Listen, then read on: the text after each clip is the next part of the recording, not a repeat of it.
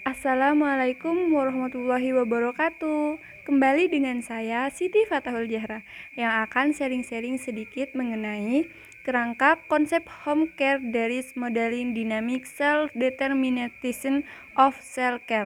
Ya, apa sih yang dimaksud home care?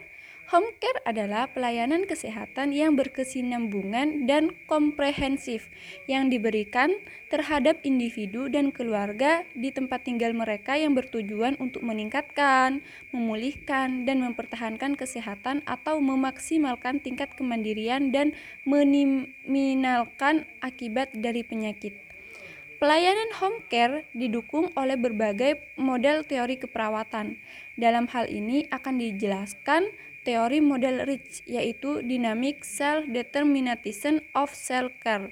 Yang dimaksud dari model ini adalah bahwa pasien diberikan kebebasan untuk menentukan pilihannya dalam merawat diri sendiri guna menjaga keseimbangan kesehatan dalam mereka sendiri.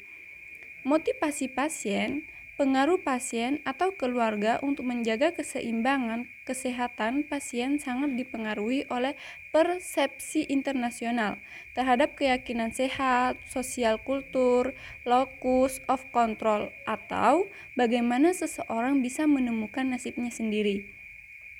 Nah, Kesehatan yang optimal dapat dilihat dari tingkat fungsional tertinggi seseorang yang dapat dievaluasi dari stabilitas stabilitas fisik, harmoni interpersonal, resonasi, kepuasan pasien terhadap perawat, kesehatannya, dan kualitas hidupnya.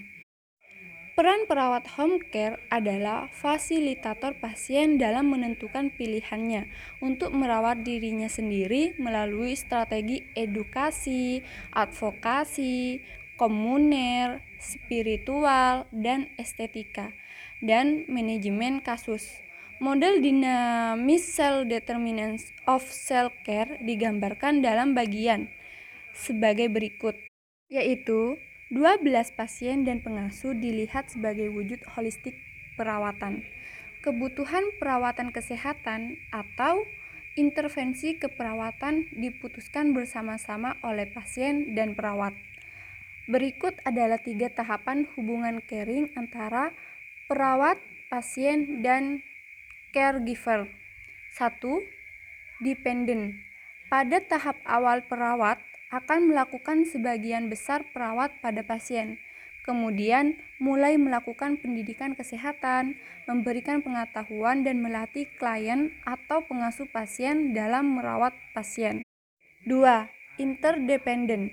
Pasien atau pengasuh pasien sudah mulai memiliki pengetahuan, keterampilan, dan kepercayaan diri untuk melakukan perawatan secara mandiri dengan bimbingan dari perawat home care sesuai kebutuhan.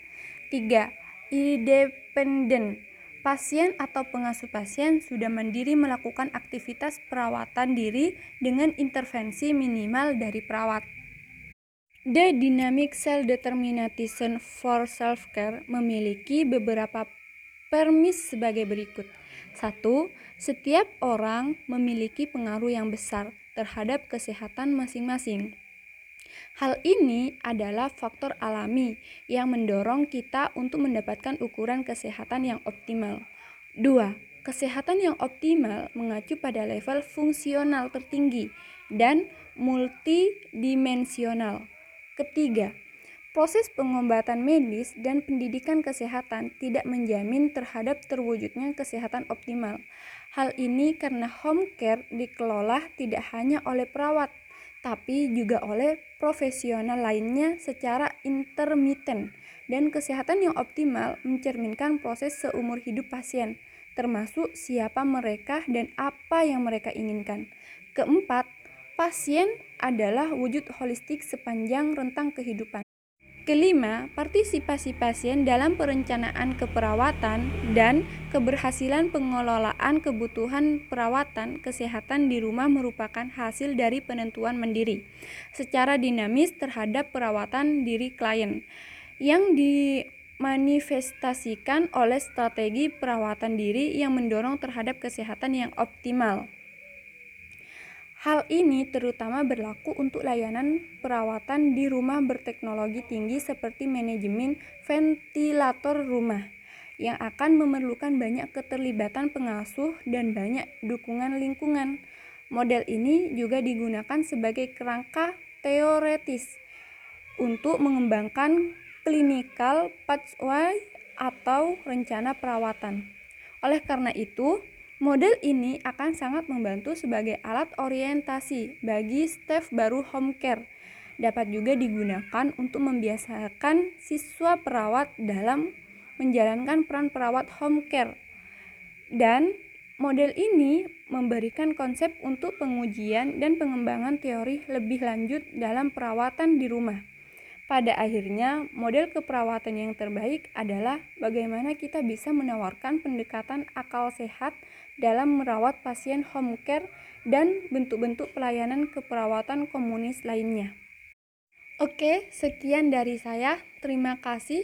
Apabila ada kurang lebihnya dari materi yang saya sampaikan, mohon maaf. Wassalamualaikum warahmatullahi wabarakatuh. Sampai jumpa lagi.